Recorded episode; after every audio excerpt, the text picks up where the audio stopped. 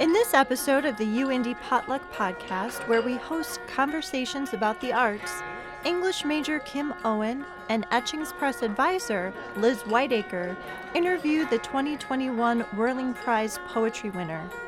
Etchings Press, a student run publisher at the University of Indianapolis, awards each fall the Whirling Prize. It is awarded to two books that demonstrate an excellent and compelling response to a theme selected by students. The 2021 theme was nature, and in this podcast, we have a conversation with the poet Tak Erzinger, author of the winning collection At the Foot of the Mountain.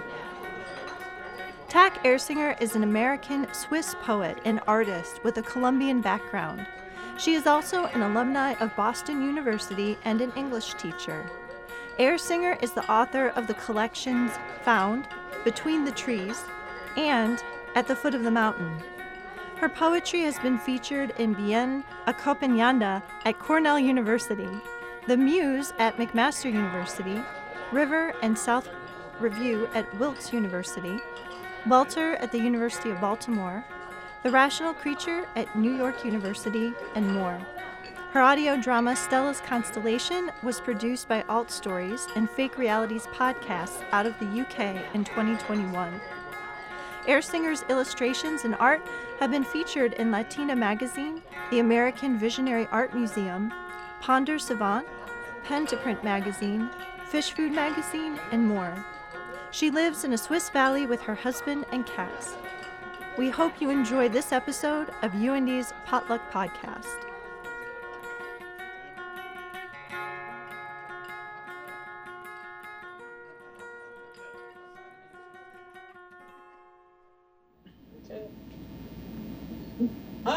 I'm Kim Owen. And I'm Liz Whiteacre. We're talking with Tak Erzinger, author of the poetry collection At the Foot of the Mountain and winner of the 2022 Whirling Prize in Poetry, who's joining us from Switzerland today. Welcome, Tak Erzinger. We are excited to have this opportunity to talk with you about your work. Thank you for having me. It's a real honor to have received the Whirling Prize in Poetry and to be able to meet you both today and speak to you. And you are speaking to us from Switzerland today, which is amazing to me. And I, I, really appreciate the technology that's bringing us together. Your collection was selected by UIndy students to be honored because it resonated so strongly with them and its connections to this year's contest theme of nature. When they started learning more about you after selecting your book, they discovered your name, TAK, is an acronym before we dive into our conversation about your poetry, could you please share with listeners the meaning behind TAK or TAK? Yes, absolutely. So, when I was trying to think of my, my pen name, I wanted something that represented me, but that was a little bit also not a secret, but per- deeply personal. So, actually, the initials make up my maiden name, Tanya Alvarez Kinoy and then my last name now, Erzinger. But moreover, tak is a very positive per- word I found out. Um, in Danish, it means thank you. In Polish, it means yes. And I think you're really going to like this one. In Dutch, apparently, it means the branch of a tree. Wow, that's that is that's that's very cool. Did you research that before you decided on it? No, I actually found out afterwards. I actually it was something that I started because I saw that people were asking what is TAK. Publishers would, would ask me, and then I started to look it up, and I thought, oh wow, that's kind of that's really fitting. So I appreciate you sharing that information. I am curious, what is the favorite part of you creating your poetry book at the foot of the mountain? Your process? What was the favorite part of it? Oh, the favorite part. It's that's a difficult question because there's it's so multi-layered. I think first of all, each poem from At the Foot of the Mountain is like an individual story with its beginning and end. And so when I set out actually to write those poems, I didn't have of course I thought about that I wanted to have a collection, but I didn't know what shape it would actually take it was once that I had all of those poems put together that I realized that it kind of told a story. Each poem tells a story, but all together as a collection, it also tells a story. So I think just everything from writing each individual poems to putting the manuscript together and then ultimately getting publisher who wanted to publish it. So I can't say that it's one particular thing. It's a process. Yeah, yeah. It's a little. It's a little part of you, right? A little personal. Yes.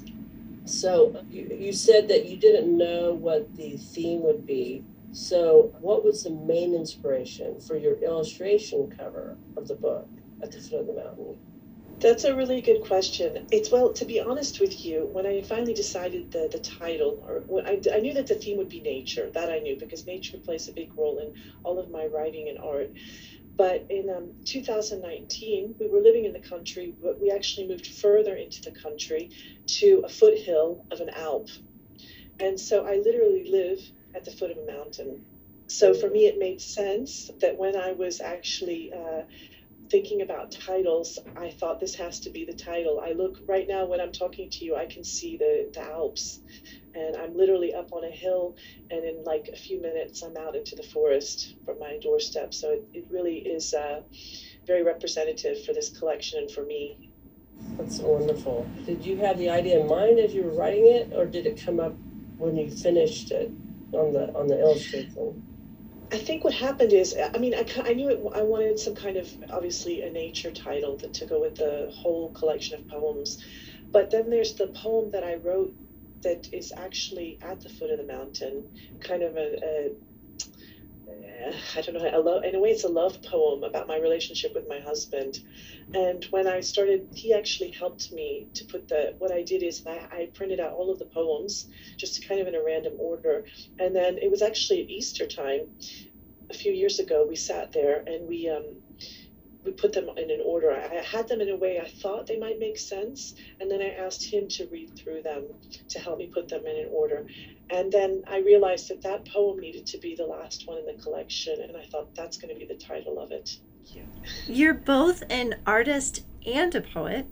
We're curious about the connection between both practices. Do writing poems and illustrating help you heal emotionally, or are they a way of reflecting back on past experiences or maybe looking forward to the future? Oh, that's a, a very charged question. Um, yes, I think that first of all, I quite often do them simultaneously, and I definitely, although no, not unique to myself, I think many artists do this. They are definitely a form of therapy for me. I'm very fortunate to be in a situation where the person, my partner, my husband, has encouraged me to go full time with this. But the way in which I started to really pursue this later now in, in my 40s was out of something very bad. I don't mind sharing this. Um, in 2016, I had a nervous breakdown and it came out I was diagnosed with uh, post traumatic stress disorder from acute childhood trauma. And I had been carrying this around in me for so long, I wasn't even really aware of it. It came out in middle age. And then after I got help, like I really needed intensive support therapy and stuff, I guess halfway, half a year into it, I started to write again. But I had actually been writing poetry starting at 15 and was painting, and it was really an important part of my teenage years. But as we know, life is what happens to you when you're busy making other plans. And it was through something really horrible that brought this renaissance in me and and brought this out. I think it also brought me closer to my partner because he knew that I had I had done art in America and I had written a little bit, but it wasn't so in the forefront of my life yet. And then he started to experience it with me, the closest person that there is, and also, um, to be honest, my doctor and my therapist. And they were they're they're Swiss. They actually even you know speak in German. They're not native English speakers, but they were like, "Go for it. You need to go for it. You need to pursue this." So I said, "Okay, I'm going to." Yeah. Wow, that's beautiful. I I can Thank tell you. you too. For me, I um, started writing late. You know, I didn't know that it was in me, so I I can relate to what you're uh, sharing. So thank you. I know that uh, throughout your collection, you mentioned your Colombian. Is that Latinx. hmm yeah, Latinx roots, and how that impacts you. Could you tell us about how you explored your identity through the poetry and your art? I think that's interesting. I our, I think we live many lives in one life. As I get older, I realize this. And early on in my formative years, um, from the beginning of my life till about fourth grade, um, this uh, Latinx or Latina Colombian side of me was very strong because I had my mom around and we were traveling a lot back and forth to Colombia and I had basically a dual life in America. And when I was going to school in Kentucky back in you know the 70s and 80s, there weren't a lot of other people like me around. And at home it was one way, but at school and the public face was another way. And I never really felt like I could fit. And it's really interesting. I just I just digress for a minute. And around fourth grade, before everything kind of fell apart with my family, I came home one day to my mom and I said, No more Spanish. I don't want to speak any more Spanish to you. I'm American. And I, I, I wanted to feel as if I belonged. And I felt like it was holding me back, it was causing me to be different and other. But now, years later, it started already when I was a teenager at university that part of me is so strong in me. And like for example my my grandmother who was very one of my grandmothers my abuela she died a few years ago and i was very close to her and she only spoke to me in spanish because she couldn't speak english. So um, i think it's also a way for me to work through these things. Yeah definitely. Thank you. That's i appreciate so much information you share with us. Um, in your book you've mentioned you had to stop your pilgrimage due to the swollen knee or knees and felt you had failed. However, you were also reminded you walked halfway through Switzerland, which isn't a uh, s- small act. With the several miracles you mentioned witnessing through this pilgrimage and the change of attitude by the people, do you feel you had a change in perspective in more than one way? And how did that um, affect your writing in the process? It's an important part of my writing process, but also my settling here. You have to understand that when I decided to undertake that particular pilgrimage, I had been written off sick. I was really unwell and I was in all kinds of therapy. And I actually talked to my doctor and the therapist if they would support that. Did they think I could do that? Would it be a good idea? And they actually said yes. They encouraged me. They walked me through it. They like talked to me a lot about it. And I began the journey with my husband and I ended it alone. And so there were parts where I was just completely alone and I had to overcome a lot of fears that had crept up in me. And it definitely it made me feel a little bit more self-reliant here and to have less fears with my new countrymen here or countrywomen in Switzerland. It made me feel more grounded. It made me feel more connected.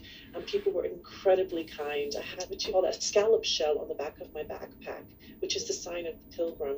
So people would see that. I went into a supermarket one day to get some supplies, some provisions, and they're like, "Oh, you're a pilgrim." I mean, they said it in German, but you know, you're a pilgrim. Where have you been walking today?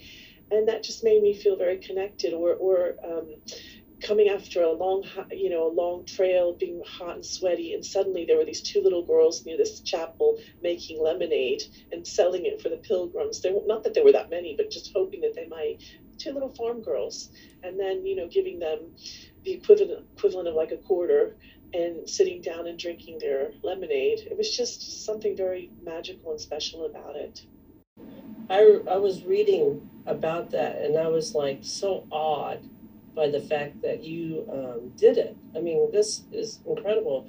But then to hear your heart when you were sharing the stories about you were not knowing what was going to happen the next few feet or the next mile because you were either out of food or out of water. And you would share that story about the little girls or you come around the bend and there's a farm and they were able to help you out.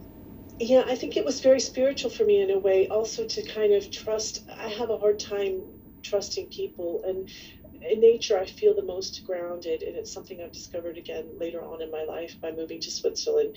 And um, i think just it was interesting, like you said, some of the struggles on the trail, also crying with myself and feeling like, oh my gosh, I have to go to the bathroom. I'm not above going to the bathroom in the woods, and I did. But one particular day, it was really like, oh, and suddenly people on the trail, like I said, another farmer, they had set up a little portable bathroom, quite nice actually, with with products for women and everything. And it was just like, wow, okay, like there's just these little miracles that happened and maybe they're not miracles but to me they were so you need to share with us what's it like living in switzerland i mean you've lived in kentucky and you've lived in colombia so tell us about it what inspires you when you're in switzerland Switzerland means so much to me. I think my relationship with this country is very complex. It's frustrating and it's beautiful. First of all, you need to know my husband is Swiss. And to be honest with you, he gave me the home that I always longed for a true home. And to be honest, it's the longest place that I have lived in my entire life. I mean, before we moved to this, um, our apartment now, I lived 17 years in my other apartment or flat, as they say here. And um, it really, it's the longest I've ever been settled anywhere. And I became a naturalized Swiss a while ago. And it's funny because in some ways I feel really Swiss, like it's the place I'm supposed to be, and other ways less so. But it's really it's it's my home. It really has become my home. That's beautiful. That's beautiful. So do you have any plans to travel in the future or are you pretty much ready to keep your home there and stay rooted? Well, before we go on, I just I feel like I didn't answer your question completely. So I just want to add one more thing about Switzerland because one of the reasons I love it so much. Um, in Switzerland, things more or less function here. I've never experienced a place where things really they just the train is on time. It's very clean. Um, there's quite a high quality of living, and you feel quite safe in Switzerland. And, and the Swiss have this like love affair with nature. It's very much an outdoor culture. And I think that's why I also am so drawn to it and why I was able to go on the walk that I did because I didn't feel afraid that something would happen to me. Um, Kim, your last question you asked about uh, traveling. It's been difficult with the COVID. Oh, yeah, sure. yeah. Who knows what um, will happen on that? Exactly. Well, to, to, be honest with you, one of the things that's hard here is that I, I miss Florida. I miss the, the ocean. I miss the, the salt water. I really, really do miss. We have wonderful lakes here. But in the last decade, before the COVID, the decade before, sometimes two and three times a year, my husband and I would travel to the south of France. And we traveled, actually, it's been 12 years, to a very small um, fishing village it's not really very touristy. It's between a place called Toulon and Saint Tropez, but it's a place that it's been mostly made up of French tourists. So you really get a flavor of, of France, not just something else. And it's a very friendly and laid back place. So that's where we're going to go to again this summer. I know it's kind of boring always returning, but we always re- we discover something else. Um, there every time. And to be honest with you, it's so special because we actually fell in love at the beach, my husband and I, in Florida. so it feels very comforting and, and comfortable for us. And because of all my journeys down to France, I've actually started to learn French just a little bit. But um, to, back to your question again, we are living in the German part of Switzerland, but one of our goals is we would really like to move to the French part of Switzerland. It's very different it's all in the same country, but it would be closer to Lake Geneva, and it just has a more of a, a, different atmosphere. And for the arts and things, I think it might be good for me. It's close to Geneva, but it's a smaller place. But that's the five-year goal. Let's see, a lot can happen in five years. Yes, that is very true. When we're thinking about travel and other places and places that bring us comfort, places that bring adventure, I personally feel that a lot of times we can connect to those places and culture through food. And you talk about food in a lot of your poems in the book, At the Foot of the Mountain. What are your favorite foods to prepare, or are there any dishes that kind of give you access to southern France or give you access to Florida or your childhood in Kentucky? Um, I think the food that most connects me to something from the past and really feels like genuine to me is Colombian food. I think when I miss my abuela, my grandmother who passed away, or I lived with all of my mother's sisters at one time or another, the Colombian side of the family, and also with my mom. I think it's the Colombian food that is closest to my heart.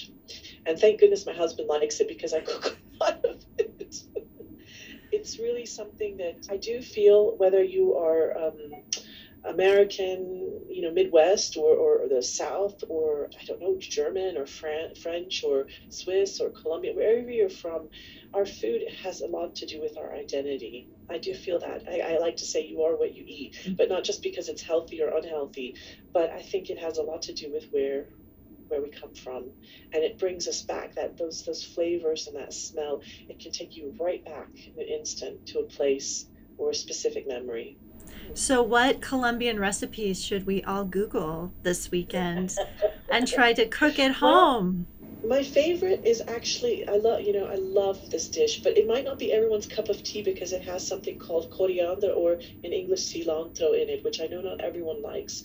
But it's actually called sancocho, and it's a Colombian stew, and I make it with chicken. And all of my Swiss friends that I've made it for, actually all of my friends because you can you, you, know if they don't like um, coriander i don't make it for them but everyone that does like it i've made it for they've fallen in love with it i have a really good swiss friend that i used to teach with and she's you know 20 years later she's still making it for people That's why i taught her how to make oh. um, yeah. I so will be looking that the up. The main ingredient is is I add chicken, but the main ingredients are coriander, ground cumino, cumin, and garlic, which I know that you like lots and lots of garlic. but something that's really special is it has full of vegetables, you know, like new potatoes, carrots, celery. I'm trying to think of what else, red peppers, these kinds of things in the stew. But on the side, you make rice, white rice, and then you have all of like the little garnishes that you put on it. So you add, after you have the soup in the bowl, you put a little bit of rice on top, sliced avocado. Uh, coriander leaves, a little dash of Tabasco, and scallions. And it's just very delicious. I'm hungry. Thank you so much uh, for spending your time with us today and and opening your heart and your life and letting listeners and, and Kim and myself have a greater glimpse into your world. We really appreciate your advice and thank you for taking your time. It was wonderful, wonderful to meet you, and I appreciate so much you sharing your life. And um, I personally love your poems. I tend to write about poetry, so they really hit home for me. So thank you. That really touches my heart, Kim. Thank you, and thank you to you, Professor Whiteacre, for having me here today. I um, it is a great, great honor to have received the Whirling Prize, to have been selected. And I would love to learn more about your poetry, Kim. It would be an honor to read that as well. Would really love that. And um, I just really, I think that for me, it was just really this wonderful thing that happened at the end of the year when I got that email and said, "Oh, you've you've won." So it's lovely to know that people out there are reading the poems and that they resonate with someone other than myself. It's, it's all about connection, trying to connect with others and you've made me want to come to your part neck of the woods. So maybe the next time in this I'm in the states, I'm hoping for summer 23 to come back, but I know that's a long time from now. But I feel like now this kindred spirit with the University of Indianapolis, so it's really special for me. You definitely have to swing by Indy. We will we will make you an itinerary. Um, yeah, I would love it. I would lots love to it. see, lots to see in Indianapolis. Well, listeners, we hope you will check out At the Foot of the Mountain by Tak Erzinger. You can learn more about this winner of the Whirling Prize on our website, which we will link in the podcast description.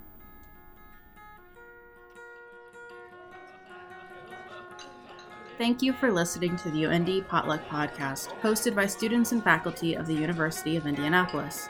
We would like to thank our guests in the Shaheen College of Arts and Sciences. To learn more about the UIndy Potluck podcast and to hear other episodes, please visit etchings.uindy.edu forward slash the hyphen potluck hyphen podcast. Thank you for your support.